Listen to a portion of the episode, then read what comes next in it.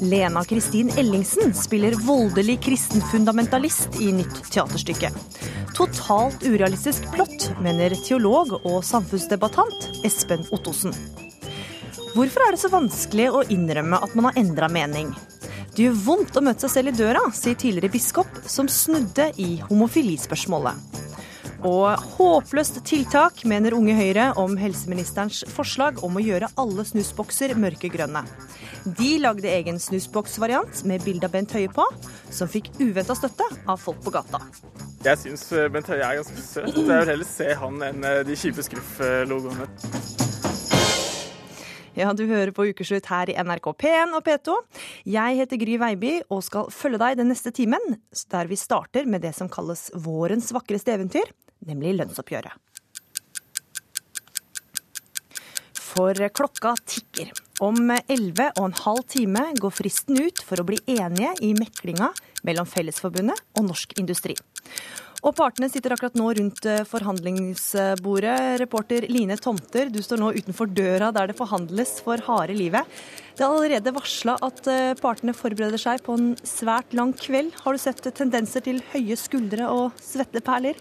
jeg har faktisk sett eh, både lederen i Fellesforbundet og lederen i Norsk Industri. De er nok naturlig nok litt preget av dette alvoret her, men disse gutta har vært ute en vinterdag før. Vi snakker tross alt om industrien. Men det er veldig mye som står på spill, og foreløpig så tror jeg ikke de har klart å bli konkret enige om noe som helst. Hva er det de ikke klarer å bli enige om da? Ja, eh, Som lederen i Norsk Industri sa til meg her i stad, at mye av dette er egentlig litt sånn ideologisk. Og det er det som er veldig vanskelig å bli enige om. Det handler bl.a. om retten til pensjonsopptjening fra første krone. Og det er en hodepine. Og så er det også dette generelle lønnstillegget eh, er også et viktig poeng eh, i disse forhandlingene. Og vi vet jo at det er tøffere tider i deler av norsk industri. Og det spennende blir jo faktisk om eh, det blir nærmest en om det blir noe reallønnsvekst i det hele tatt for, for arbeidstakerne. Og hva blir konsekvensen dersom partene ikke blir enige? Ja, eh, hvis, hvis de ikke blir enige, så blir det jo selvfølgelig streik. Men nå har de jo muligheten til å sitte på overtid utover natten. Og riksmekler Nils Dalseide, det er han som mekler her. Det har aldri blitt streik når han har ivaretatt meklingen. Så da vil kanskje han gå på sitt aller første nederlag. Eh, men det, ja, det er mange som har tillit til denne mannen. Og nå har alle gått til lunsj her, faktisk. Så de tar seg i hvert fall tid til å spise. Da. Det gjør det. Takk til deg, Line Tomter. Det var eh, flere som satte kaffen i halsen da de hørte Høyre-politiker Henrik Asheim fortelle at han har skifta standpunkt og ikke lenger er for å fjerne fedrekvoten. For det er ikke så ofte politikere faktisk innrømmer at ting ikke var helt som de trodde. Ukeslutts reporter Åsa Vartdal har prøvd å finne ut mer om kunsten politikere og flere av oss ikke mestrer så bra, nemlig kunsten å skifte mening. Skal alle barna synge? Én, to, tre. Kjenner dere brannmannsand? På puterommet i barnehagen Child Planet sitter pedagogisk leder Ida omringet av ivrige barn. Hit har jeg tatt med en høyrepolitiker som nok ikke er helt i sitt rette element, men som finner seg greit til rette på en ledig tripp-trapp-stol.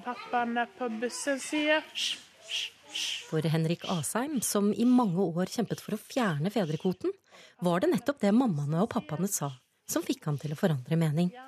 Nei, altså Jeg har stått veldig i dette lenge og ment veldig klart at ikke man skal blande seg opp i det. Så har jeg mange venner som har fått barn. Jeg har en bror som har fått en liten datter. Eh, og har diskutert det med dem. Og den virkeligheten de møter ute, er jo ikke den samme som den kan være på et skrivebord. De møter veldig ofte arbeidsgivere eller også samboere og koner som jeg har mest mulig tid med barnet. Og så har de veldig lyst til å være sammen med dem, men det er vanskelig å forsvare det, rett og slett. Og da står nettopp det prinsippet man har hatt opp mot en virkelighet som er en annen. Eh, og da, I starten så forsvarte jeg det hardnakket på i middager og fester overalt. Eh, og etter hvert så klarte jeg på en måte ikke å stå i det, fordi de som hadde skoen på, sa hvor den trykket, og jeg mente at den trykket et helt annet sted. Og da kan du faktisk ikke i lengden forsvare det du mener. Hei. Hei, hei. Det kan sitte langt inne, men noen ganger snur vi som Frank Jonny Nilsen fra Alta, som var motstander mot asylmottak, men som fikk et annet syn da han besøkte de som bodde på mottaket. Det er akkurat som du slår på en lysbryter der og lyser på. Det her er vanlige folk. Og da tre år gamle Alan ble funnet død i vannkanten i Tyrkia, skiftet mange mening om flyktningstrømmen. Så midt i valgkampen kommer dette bildet, dette barneliket. Og da snur stemningen helt dramatisk. Vi skifter mening når vi føler vi må.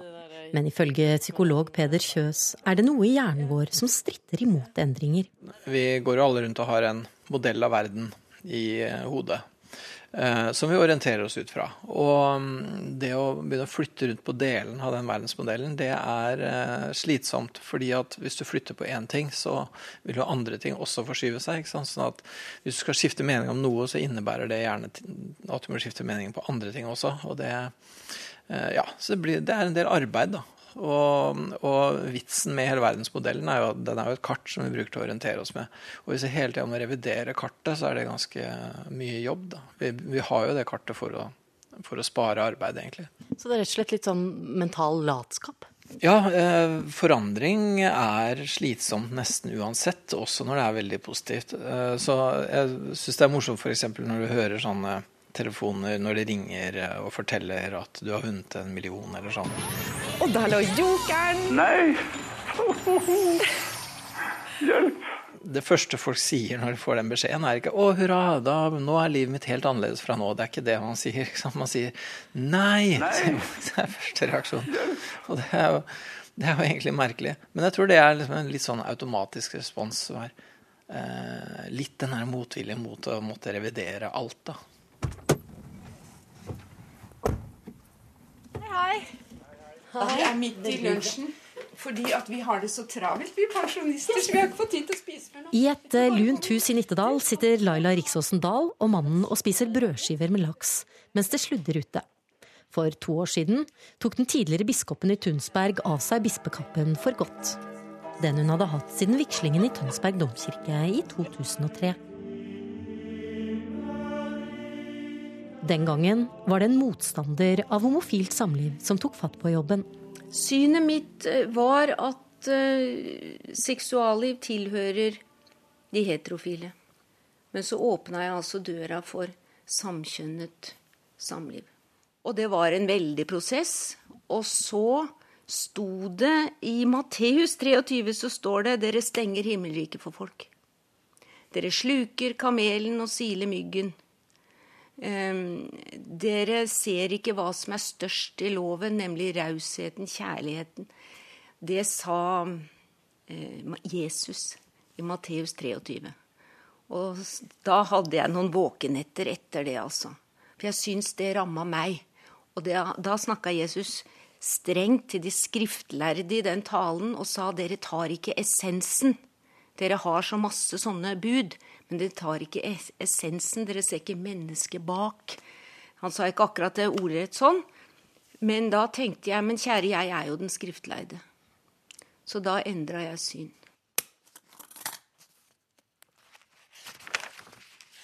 Her har jeg en av de to permene med brev som ikke var anonyme, som jeg fikk, og mine svar til dem.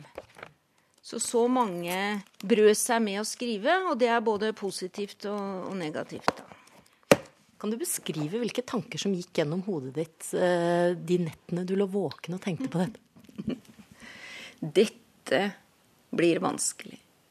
Dette blir vanskelig. Det er mange som valgte meg av sånn og sånn. Eh, nå kommer jeg til å skuffe dem. Men jeg kommer til å glede noen òg. Men jeg gjør jo ikke dette fordi jeg skuffer noen eller gleder noen. Du gjør det, du endrer mening når det koster noe, fordi du er overbevist om at noen Det er riktig å se det på en annen måte. Ja, jeg har tatt feil. Jeg må, og det kommer til å bli støy. Men eh, folk sa jo to ting. Å, jeg er skuffet over deg, Laila. Å, jeg er så skuffet. Og andre sa faktisk du har redda mitt medlemskap i kirken. Og noen sa du har redda livet mitt. Ja, sånn var det. Men du vet, det gjør vondt å møte seg sjøl i døra. Men jeg måtte det for å kunne se meg sjøl i speilet. Høyt oppi trærne vokser kokosnøtter og bananer. Der bor mange fennomme og fine bavianer. Tilbake i barnehagen til tripp-trapp-stolen og Henrik Asheim.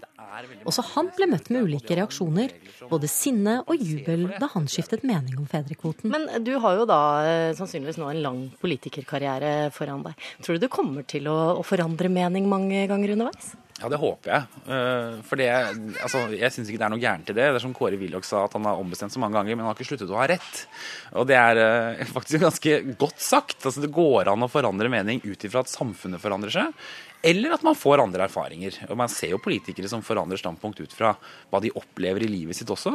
Og det mener jeg noe med at det er en svakhet. Jeg mener at det er en styrke. For det betyr at vi som er politikere, vi skal være vanlige folk. Som også kan tilpasse politikken ut fra de erfaringene vi får.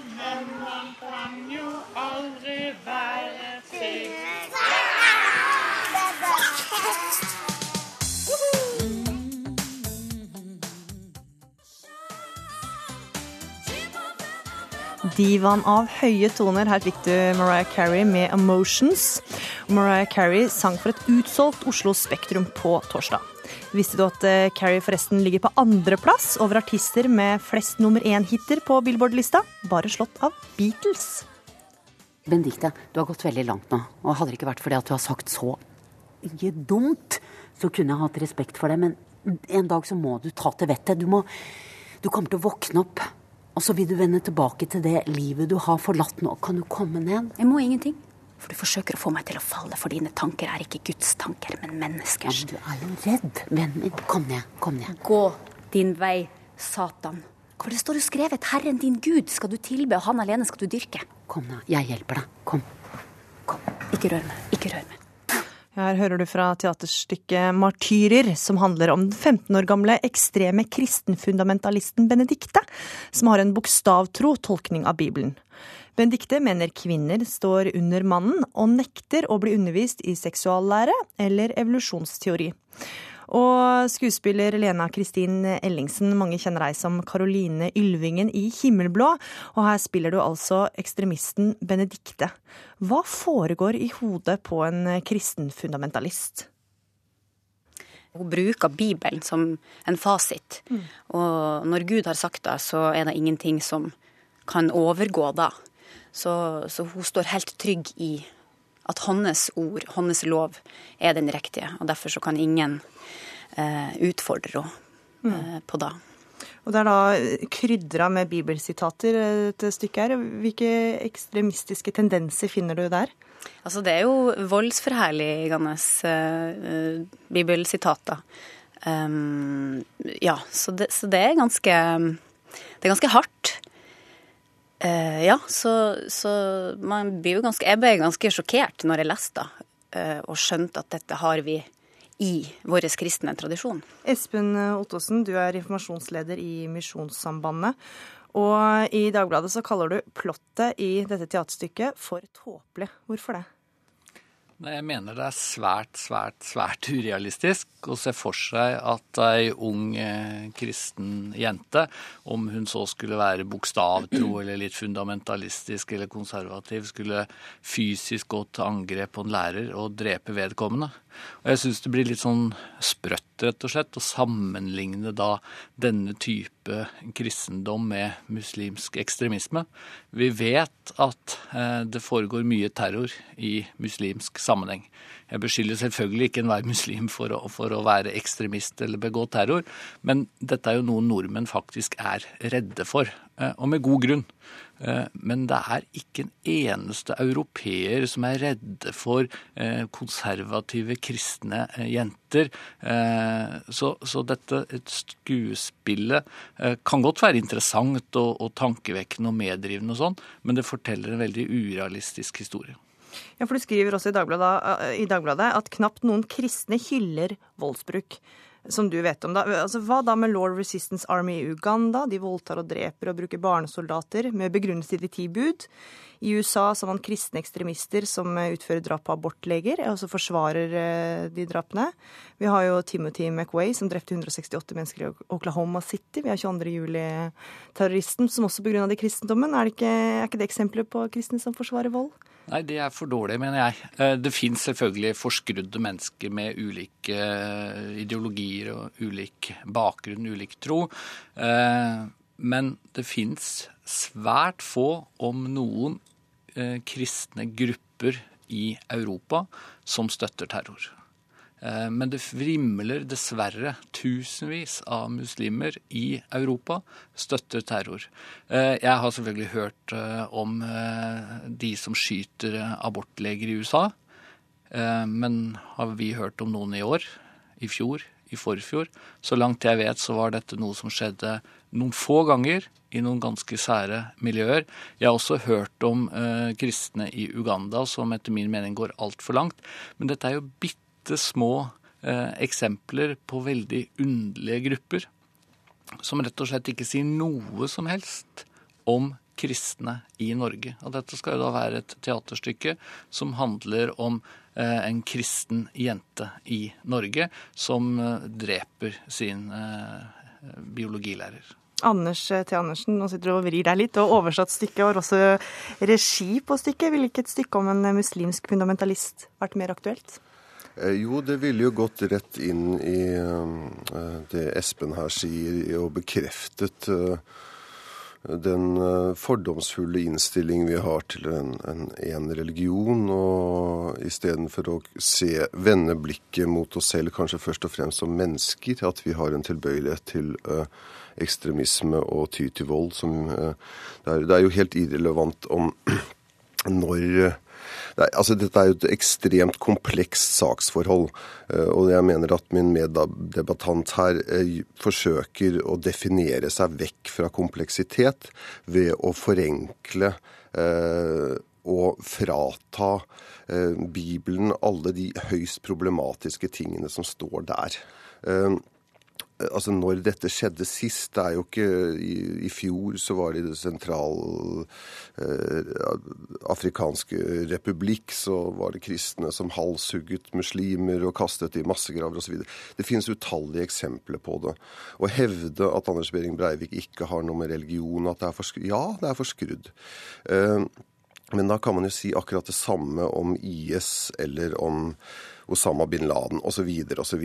Poenget er at det står ting i Bibelen som er voldsforherligende. Som er, det står at man skal slakte kvinner og barn. Det står at Bibelen er først og fremst et sverd. At Gud ikke kommer til jorden med fred, men med ild, og at han håper at det allerede brant.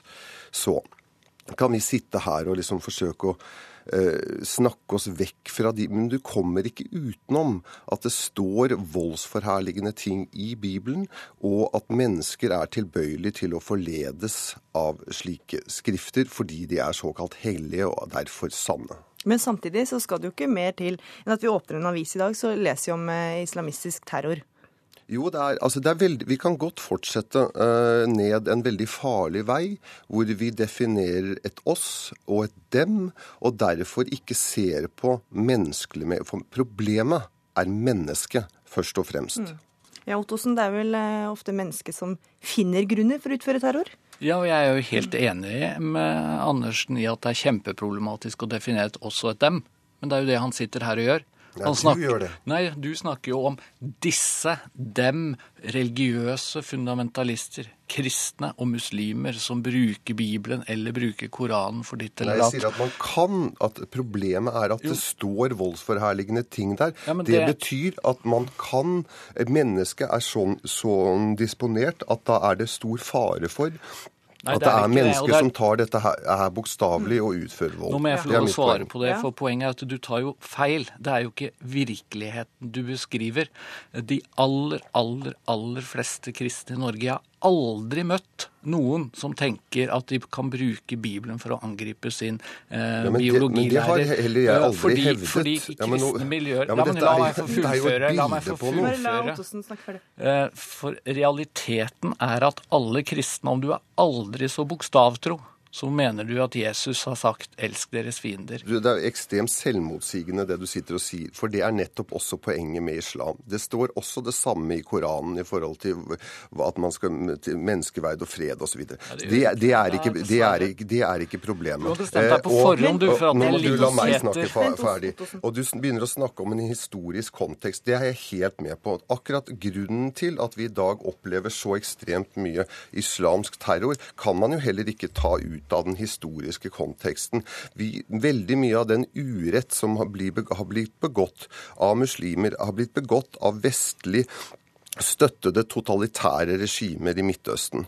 Dette vi ser nå er selvfølgelig også en konsekvens av det. Poenget er ikke det. Poenget er det samme at menneskets evne til å se sammenhenger der det ikke fins noen, er helt uovertruffen. Der er vi suverene som art. Det betyr at vi har en helt egen evne til dessverre, til å gå oss bort i religion og i politikk. Ottosen kommer til å se deg blant publikummet.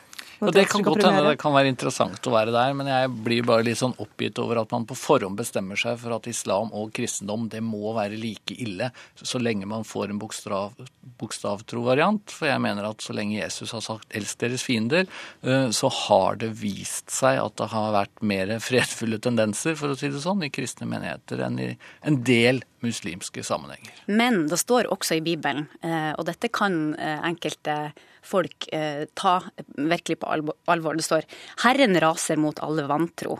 Hans vrede flammer mot hele deres hær. Han har lyst dem i bann.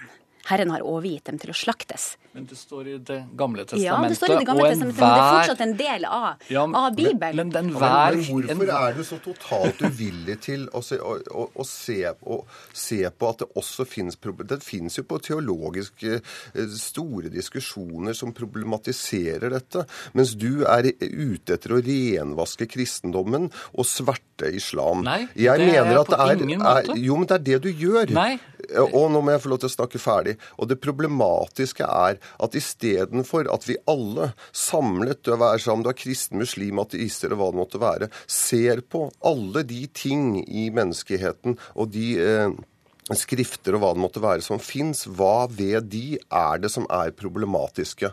Hva ved de er det Altså hvorfor er det sånn at uh, Oklahoma-bomberen eller Anders Behring Breivik osv. Hvis vi sammen eh, ser på alle gråsoner og forsøker å komme frem til en måte å forsøke å håndtere noe som er uhåndterbart på mange måter, men kanskje kan forbedres, at vi kan få mindre terrorisme, så kanskje vi hadde kunnet kommet noe lenger istedenfor å sitte og hevde med altså, all den historien eh, katolske prester som forgriper seg på altså, det er jo, Jeg kan ikke fatte at ikke du er med på å, å, å forstå at det er problemer med kristendommen. Jo, men jeg har aldri sagt at det ikke er problemer med kristendommen. Og det har skjedd veldig mye forferdelig i kristendommens navn. Spørsmålet er er det realistisk at en ung kristen jente i Norge eh, går til angrep på sin eh, lærer fordi hun må dusje naken og fordi hun må lære om evolusjonslære.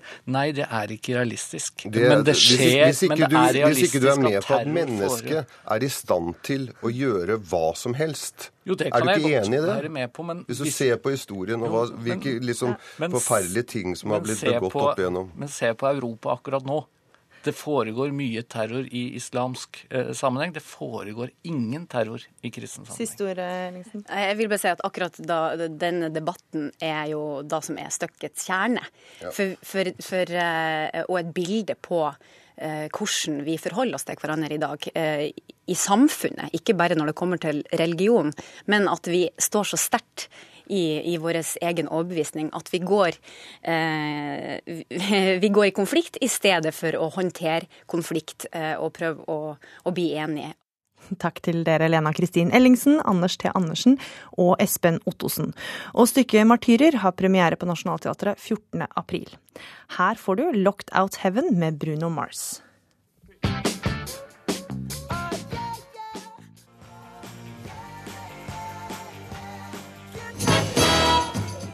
Du hører på Ukeslutt i NRK P1 og P2. Fortsett med det også den neste halvtimen. Livet har vært en eneste stor løgn, og jeg har vært med på massakren, sier kjendisblogger som dropper kjøtt, melk og egg etter å ha sett filmer om husdyrhold.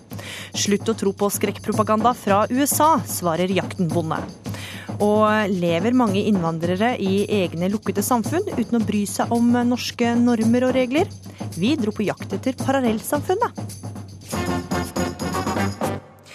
De kommer i ulike størrelser og farger. Noen av pakningene er rosa med mokkasmak, vanilje eller et hint av mint. Andre er litt røffere i fargene med velkjent logo. Vi snakker selvsagt om det mange forbinder med oss nordmenn og svensker, nemlig snus. Men dersom helseministeren får det som han vil, kommer vi ikke lenger til å se fargesprakende snusbokser. For eh, Bent Høie vil fjerne alle logoer og gjøre snusboksene mørkegrønne med en skriftlig advarsel på om hvor helsefarlig det er å snuse. Og det reagerer du på, Philip André Charles, du er fra Unge Høyre. Hvorfor er ikke dette her en god idé fra moderpartiet? Det er ingen i Høyre som i valgkampen banket på over 100 000 dører for at vi skulle sensurere et fullt lovlig produkt. Eh, og vi tror at for hvert minutt og hver eneste krone Bent Høie bruker på det her, så tar han tid og ressurser fra andre saker, som å redusere køene for eh, rusmisbrukere og sørge for en bedre behandling for mennesker ved norske sykehus. Dere i Unge Høyre i Bergen har da gått til det uvanlige steget og laget deres egen versjon av snusboksene. Kan du beskrive ja. hvordan de ser ut? Eh, de ser litt ut som en vanlig snusboks, og så har vi et bilde da av, av Bent Høie midt i, i snusboksen hvor det står at Eh, et slagord som 'plain pack, plain stupidity'. For vi mener at, eh, at, det er et eh, ganske dårlig forslag, og at det er trist at det er en Høyre-minister som sørger for, for, mer sensurering av fullt lovlige produkter. For dette er noe som vanligvis kommer fra andre siden av politikken. Og Vi tok med deres forslag ut på gata for å høre om høyesnusen har avskrekkende effekt. Nei, det er et bilde av et ansikt. da. Det er litt som en leverposteiboks. Han kan godt uh, pynte snusboksen for min del. Jeg kjøper den ikke for det. Det er iallfall bilde av en person, men jeg vet ikke hvem det er. Snus er jo snus, da. Så ja, jeg hadde kjøpt den uansett. Folk kommer til å kjøpe snus uansett hva slags åssen boksen ser ut. Vi ser bilde av helseministeren. Plain pack, plain stupidity. Den uh, syns jeg ikke noe særlig om. Det er Bent Høie. Vet at han ikke er så fan av uh, fin innpakning på snus. Det var morsomt. Ja annerledes. Men det er ganske greit å fortelle folk at det er dumt å snuse. Jeg hadde kjøpt den, fordi jeg syns eh, Bent Høie er ganske søt. Jeg vil heller se han enn eh, de kjipe Scruff-logoene som jeg pleier å kjøpe. Jeg vil ikke snuse den. Den frister ikke. ja, Bent eh, Høie, helse- og omsorgsminister.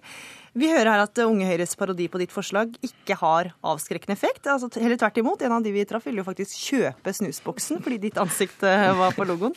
Betyr det egentlig noe om hvordan snusboksen ser ut? Ja, altså Jeg må jo innrømme at jeg tok feil når jeg trodde at Unge Høyre sin eh, var mer avskrekkende enn min. Eh, men jeg har ikke tatt feil når det gjelder dette forslaget. Eh, og dette er noe som vi kan gjennomføre samtidig som vi gjør alle de andre gode tingene vi gikk til, til valg på. Nettopp fordi helsepolitikk ikke bare handler om å reparere skade, det handler òg om å hindre at folk blir syke. Vi får ikke bare ned helsekøene ved å hjelpe flere, men òg faktisk hindre at folk havner i helsekøen. Men og, Betyr det noe hvordan pakningene ser ut? Ja, absolutt. Eh, og det tror jeg at eh, enhver som har vært på et Unge Høyre-møte forstår, for der ligger iPhone på sida av snusboksen. Eh, og begge produktene selger på den måten. iPhone markedsføres veldig liten, liten grad på annen måte enn at ungdom legger det foran seg, og da har de markedsført det på samme måte er reklame for tobakk forbudt i Norge. Dette er ikke noen ny politikk, men vi tar det ett steg videre. Fordi den eneste reklameplakaten tobakksindustrien har i Norge i dag, det er nettopp når ungdom legger snusboksen på siden av iPhonen. Eh, og disse pakningene er ikke utforma sånn fordi at innbarka røykere skal slutte å røyke. De er eh, utforma sånn for at nettopp unge Høyre-generasjonen og deres mindre søsken og brødre skal begynne å snuse. Eh, og det ønsker ikke jeg. Unik... Så, så, hvis det er kjipe grønne snusbokser i siden av disse iPhonene, så vil det få færre til å begynne å snuse? Da tror jeg rett og slett at ikke de kommer til å havne på siden av iPhone igjen. Mm. De, de, som snuser, de kommer til å holde boksen i lommen, sånn som de fleste nå gjør med, eh, med, med røykepakken. Mm. Før så lå også røykepakken på bordet, det gjør han ikke lenger. Uh, og, og, jeg er helt overbevist om at dette vil virke. og Grunnen til at jeg er overbevist om det, er at vi ser erfaringene fra et land som har gjort det, Australia, at det virker. Det er grunnen til at uh, Med røykepakkene, da. Ja, nei, ja, men der er det ikke snus. Mm. Men det er òg grunnen til at både Storbritannia og Frankrike og Irland eh, og flere andre kommer til å følge etter og gjør dette nå. Ja, Charles, eh, snusing blant unge øker, og det er kanskje ekstra fristende å begynne når eh, snusboksen ser så fargerik og bra ut? Er det ikke fint å gjøre det noe som, altså, tiltak som kan gjøre det mindre kult å begynne? Nei, for Det første, altså det jeg syns er litt merkelig her, er at jeg ikke har sett et eneste utspill fra Bent Høie der han foreslår f.eks. For å forby tobakk. Og Hvis vi skulle tatt argumentasjonen hans om en tobakksfri generasjon på alvor, eh, så kunne helseministeren med knips ha sendt et forslag om å forby alle tobakksprodukter til Stortinget allerede neste uke. Så jeg Ja, tror grunnen... Bent Høie, hvorfor vil du ikke gjøre det, da? Nei, fordi jeg er høyremann. eh, Jeg eh, har ikke interesse av Ja. å eh, regulere folks liv på den måten. Det, det å ha en, eh, denne type eh, pakninger har, kan gjøre at de som ønsker å snuse, de som ønsker å røyke, de kan gjøre det. Men vi tar ifra industrien det virkemiddelet de har til å få flere til å bli avhengig av et veldig helseskadelig stoff. Men det er litt av det samme prinsippet. For jeg tror grunnen, altså som Bent Høie sa selv, så er det fordi han er høyremann. Han mener at staten og byråkrati ikke skal legge seg oppi alt. Men da er spørsmålet mitt hvor går grensa, grensa da? Altså Skal man da begynne å, å sensurere sukkerholdige varer, eh, øl, frokostblandinger, for det, det forårsaker fedme? Jeg har tillit til at foreldrene også kan ta de rette avgjørelsene, men jeg er redd for at helseministeren, eh, helseministeren kommer med nye reguleringer etter at han har åpnet opp for disse. Eh, For det skal mye til for staten å gripe inn og sensurere en fullovlig vare. Nei, eh, Grensen går med tobakk, og det er fordi at eh, tobakk er en unik vare. Har, vi har en egen internasjonal tobakkskonvensjon som eh, regulerer denne varen. Eh, nettopp fordi at tobakk er en av de få tingene som vi aksepterer kan brukes, men samtidig er farlig fra første bruk. Alle de, andre, alle, de- prisen da, alle de andre produktene som du viser til, sukker, alkohol, eh, frokostblandinger og sånne ting, er alle produkter som i moderat bruk ikke har noen helseskade. men Tobakk er skadelig fra første bruk, og derfor har det òg den helt spesielle statusen som det òg har, eh, har internasjonalt. Men kunne du ikke da heller bare økt prisen? Prisen har vi økt. Eh, Norge er et av de landene som bruker avgift som et veldig sterkt virkemiddel. Eh, Men det vi ser, det er at, eh, at eh, pga. tobakksindustriens evne til å tilpasse innpakningen, spesielt mot ungdom, så ser vi at de allikevel klarer å rekruttere ungdom til, til, til bruk. Og det er ikke jeg som sier dette. Norsk designråd har f.eks. gitt en tobakkspakning pris fordi at pakningen utforma sånn, på en sånn måte at den spesielt appellerer til ungdom og deres livsstil. Charles, er det ikke bra å få ned bruken da, ved å gjøre noe så enkelt? Absolutt. Altså, men jeg mener jo at det skal være f.eks. 18-årsgrense på snus, og det er det i dag.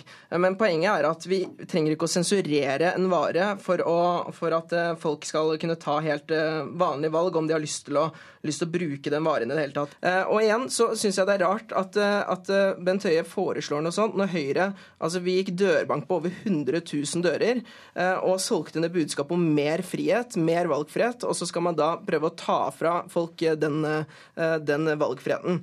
For, Det er nettopp derfor jeg ikke kommer med en politikk som innebærer at vi tar fra folk valgfriheten, men en politikk som nettopp styrker folks valgfrihet gjennom at vi hindrer tobakksindustrien for å drive reklame og påvirke folk til å bruke et produkt som er avhengighetsskapende, men vi hindrer ikke folk i å bruke sin valgfrihet til å kjøpe det produktet hvis de vil. Og det er nettopp det som jeg mener er forskjellen på en høyre, liberal tobakkspolitikk og på det som er kanskje mer venstresidens eh, virkemidler. Og da fikk du siste ordet, Bent Høie. Helt til slutt eh, så har jeg snusboksen med bilde av deg på her. Vil du ha en eh, snus? Ja, det, er- jeg har lyst på boksen, men eh, ikke snus. Eh, Det får vi ikke til å bruke igjen.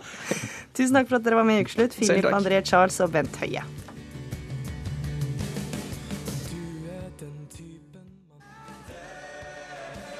Kan du lære meg, sang Christian Christensen. Skyrre, skyrre, skyrre, komme, komme da. Komme da, svats i her satt i komme Idylliske bilder av budeier i bunad med beitende kuer og griser som ruller seg i søledammer. Det er sånn vi kanskje helst liker å tenke på livet på bondegården. Men det er langt fra sannheten. Det skriver du, Kristin Gjelsvik. Du er kjent fra TV 2-serien Bloggerne og har slutta å spise egg, kjøtt og drikke melk etter å ha sett en rekke filmer om dyrehold. Jeg har vært bidragsyter til en eneste stor massakre, skriver du på bloggen din. Hva mener du med det? Ja. Nei, nå eh, valgte jeg da å ta et dypdykk i eh, denne industrien her. Jeg har lenge gått rundt med skylapper. Jeg har trodd at eh, dyrene her i Norge har det så fint, og de blir behandlet så bra, og at kjøtt er sunt, og melk er bra for meg, osv. Eh, og så tenkte jeg nå, nå er det på tide å se hva som egentlig foregår bak lukkede dører. Dette innlegget her ble jo da skrevet like etter jeg hadde sett både Earthlings, Cowspiracy osv. Ja, det er dokumentarer laget i USA, eh, så det viser kanskje et litt eh, annet bilde. Men det jeg så, det var en eneste stor massakre. Måten disse dyrene blir behandlet på og drept på, og det er så følelsesløst og så kaldblodig at Nei, det var veldig grusomt å være vitne til. Men som du sier, så er dette her amerikanske filmer, mange av dem. Mm. Og de tar fra seg amerikansk eh, kjøtt- eller matindustri og kinesisk matindustri. Hvor, hvor Mm. godt har du satt deg inn i det som skjer i norsk matindustri?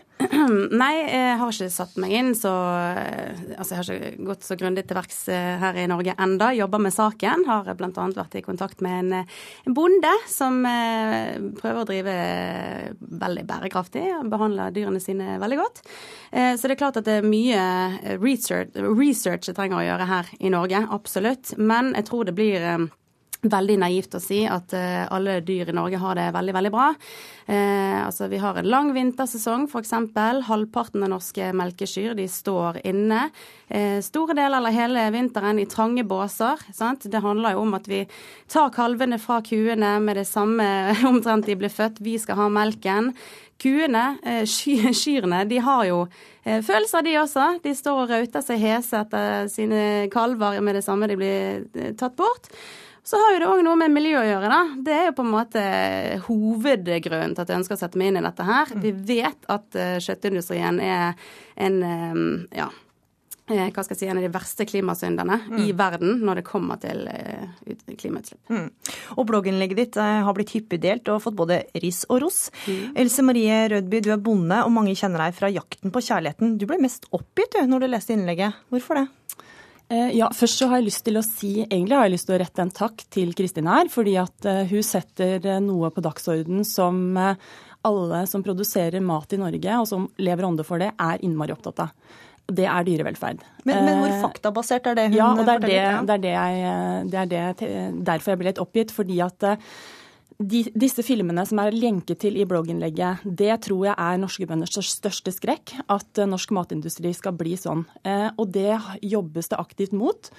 Eh, Men når forbrukermakta i Norge har vært mest opptatt av pris de siste åra, så har det ikke vært mulig å ha det nødvendige fokus på dyrevelferd. Og forbrukerne heller kanskje ikke vært så interessert i å vite hvor er det maten vi spiser kommer fra. Eh, Jeg er opptatt av at eh, sånn som Kristin har tatt et aktivt valg, som jeg skjønner, eh, blitt veganer og sagt at dette blir ikke jeg med på. Og det tenker jeg det er et valg som står opp til hver enkelt å ta, men jeg ønsker at det valget skal baseres på faktabasert kunnskap om hvordan maten som legges i norske butikkhyller og som produseres i Norge av norske produsenter, blir til.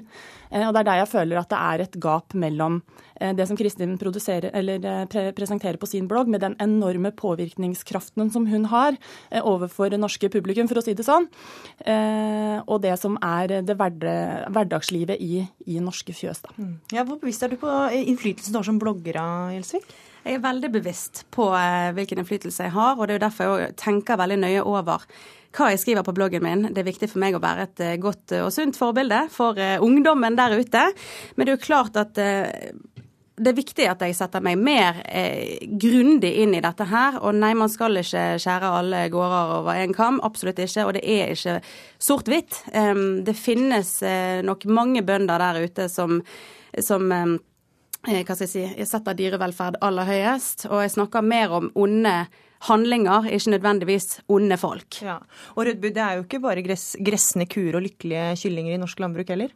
Nei, og jeg tror at det er utrolig viktig at de som da er eh, kjøpere av sluttproduktet, nemlig forbrukerne, eh, er opptatt av, spør hvor kommer denne maten fra, hvor er den produsert. Og jeg tror at bønder og bloggere egentlig kan jobbe på lag i denne saken her, fordi at norske, norske bønder de ønsker eh, oversikt over dyra sine, og at de skal ha en, eh, et godt liv fram til de blir mat, eller i den perioden de produserer mat.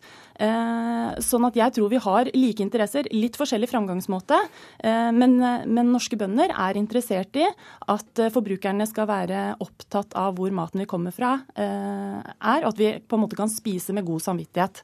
Gjelsvik, jeg kunne ikke heller oppfordra til det, da. At eh, leseren din skulle være spurt i butikken hvor kommer kjøttet fra, hvordan har de hatt det? Absolutt. Eh, absolutt. Og det er noe Det blir mitt eh, neste ledd, da, på en måte, i dette engasjementet. Som sagt, jeg har vært i kontakt med en bonde. Jeg skal på gårdsbesøk 29. april. Gleder meg veldig til det. Eh, her snakker vi en bonde som ja, har glade griser som går ute i det fri, og som virkelig setter dyrevelferd høyest. Det er jo noe som heter mobilt slakteri. Eh, de, sånn jeg har forstått det nå, har ikke faktisk økonomiske midler til å drive, noe som er ganske trist. For vi vet jo òg at den her, hele den slakteprosessen for et dyr det er jo en enorm påkjenning, så det beste ville jo være om det faktisk var mulig å få slaktet dyrene på stedet. Jeg skjønner jo òg at det er en veldig omfattende si, omstilling, men, men, men det finnes nok mange ting man kan gjøre bedre. Og Rødby, nå har hun jo allerede fått en invitasjon da, til å være med på et gårdsbruk, men du også kunne tenkt deg å invitert henne? Ja, vet du hva, Jeg tror veldig mange av de som har lest eh, innlegget til Kristin, eh, og som er opptatt av norsk dyrevelferd, som jeg egentlig vil si er alle norske matprodusenter, egentlig, har lyst til å vise fram hvordan vi gjør ting i Norge.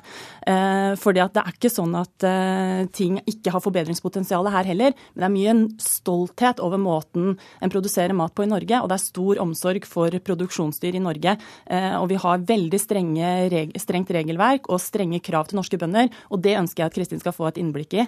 Og nå blir det kanskje samarbeid mellom eh, bloggere og bønder. Takk for at dere var med i Ukeslutt, Kristin Gjelsvik og Else Marie Rødby. Takk.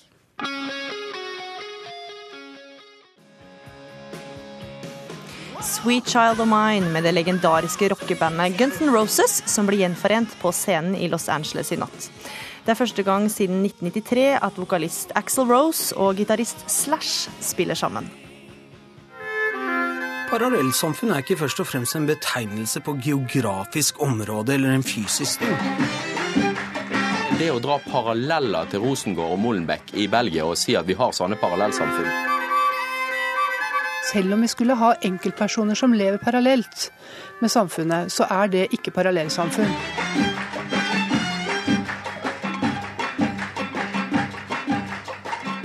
Har vi parallellsamfunn også her i Norge? Det mener Fremskrittspartiets innvandringspolitiske talsperson Mazyar Keshvari, som dermed skapte kraftig debatt denne uka. Men meningene er delte.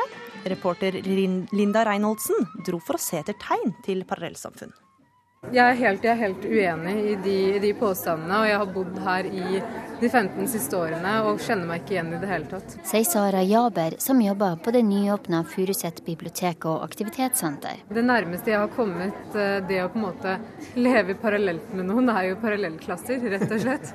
Eh, For å ta fra, men fra spøk til alvor så, så syns jeg at det er litt spesielt at eh, man kommer med slike anklagelser uten å ha vært en del av det samfunnet. Sara Jaber refererer til Mazyar Keshvaris utspill.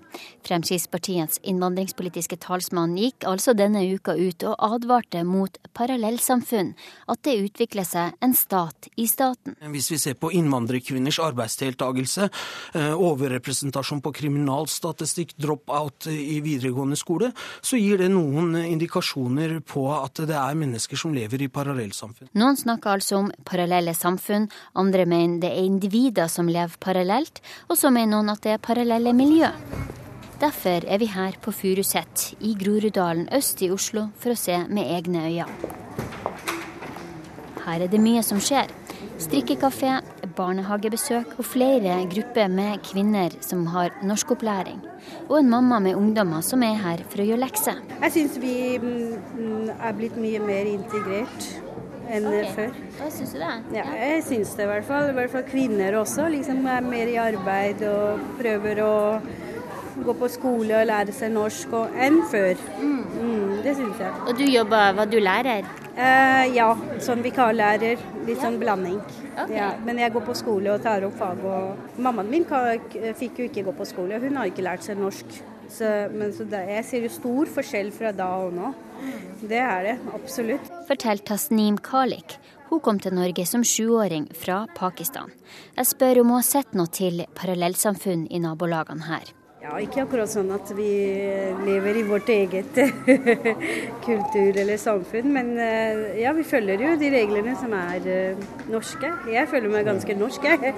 Jeg føler ikke som at vi har vårt eget eh, Ja, men selvfølgelig, det er jo mange utlendinger her, og man føler jo at man er i ikke Man er for seg selv, på en måte. Når man snakker om parallellsamfunn, da stempler man jo bredere grupper. Jan Bøhler er storbypolitisk talsmann for Arbeiderpartiet. Han er kjent for å være bydelsentusiast. Denne sangen er en av måtene Bøhler viser sin kjærlighet til Groruddalen på. Jeg synes at mange med innvandrerbakgrunn er blitt mer bevisste om at eh, vi trenger å være sammen vi må bygge et fellesskap og unngå radikalisering og ha, ha liksom tillit til hverandre.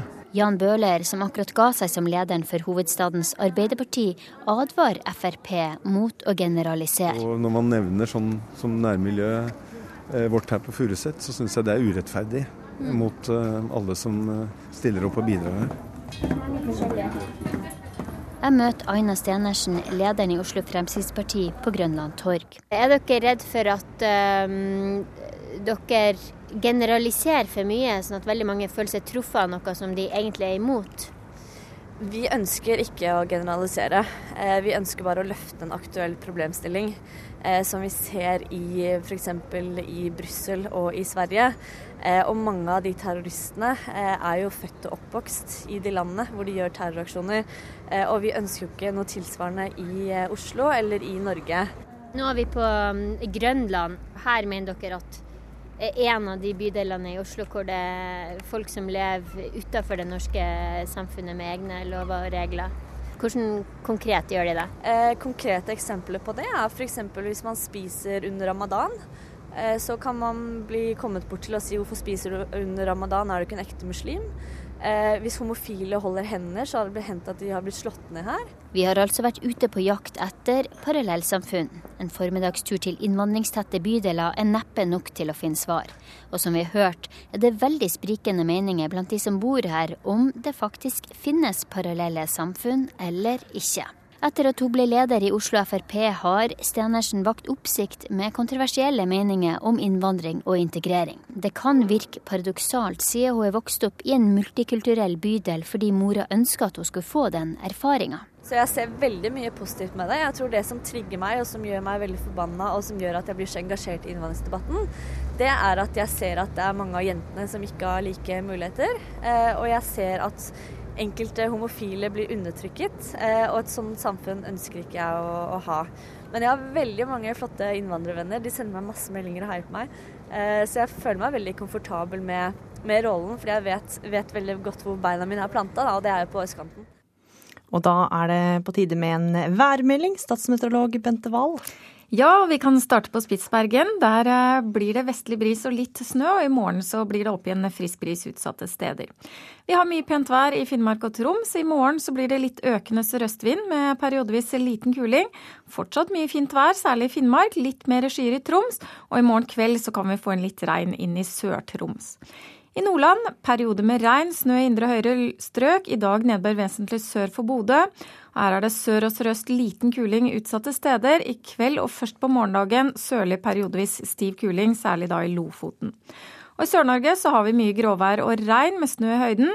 Det blir noe lettere nå utover ettermiddagen og kvelden, men fortsatt sørvest kuling på kysten av Møre og Romsdal og Trøndelag.